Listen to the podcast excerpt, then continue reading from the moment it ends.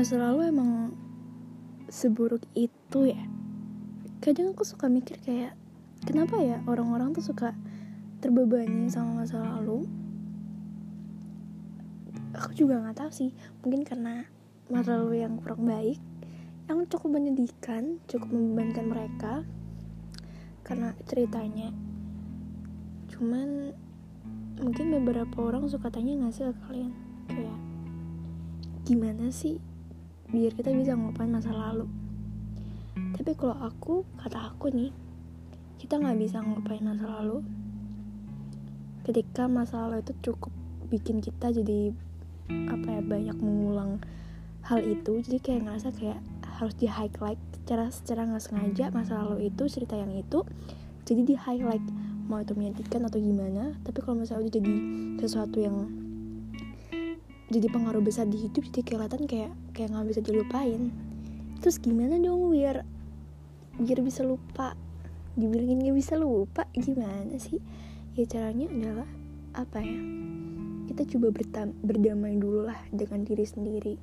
Kita coba berdamai dengan diri sendiri dan pelan-pelan untuk menerima masa lalu karena karena ya mau gimana pun masa lalu udah terjadi dan kita nggak bisa ngapa-ngapain gitu kan yang cuma bisa kita lakuin ketika masa lalu udah terjadi ya kalau menurut aku cuma maaf kalau misalnya kita ngerasa salah.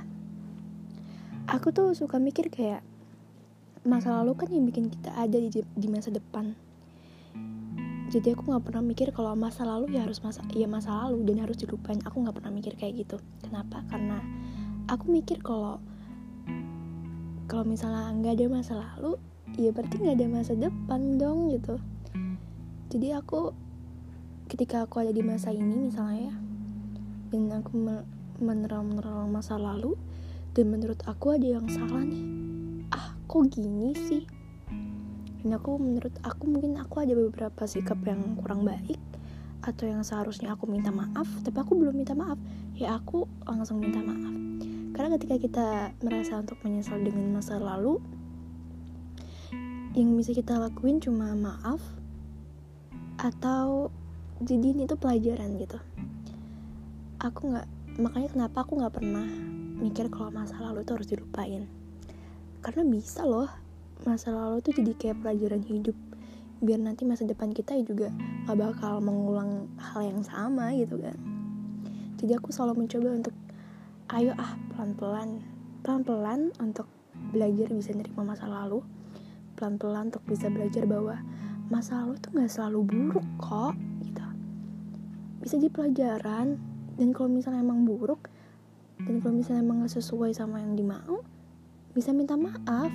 Entah tuh minta maaf ke orang-orang yang ada cerita itu atau minta maaf ke diri sendiri. Juga besar pengaruhnya sama jadi kayak ngerasa kalau misalnya kita mau maaf ke diri sendiri sama masa lalu kayak Hai kamu yang di masa lalu maaf ya. Gitu kan. Kamu tinggal minta maaf aja atau minta maaf ke diri sendiri atau ke orang-orang yang ada cerita itu. Aku selalu mikir kalau misalnya masa lalu aku bisa diperbaikin mungkin masa depan aku juga akan jauh lebih baik. Jadi kalau misalnya masalahku masa lalu aku udah tertata semua aku maafin dan udah kayak nggak ada masalah. And I can enjoy. Aku bisa enjoy masa depan aku karena menurut aku udah aku tinggal jalan lagi. Dan karena masalah aku kayak tinggal dikenang aku jadi pelajaran dan selesai. Itu kenapa jangan pernah memikirkan bahwa masa lalu itu selalu buruk.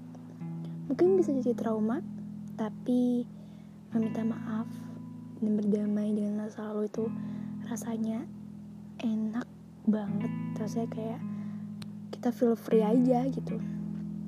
Cobain deh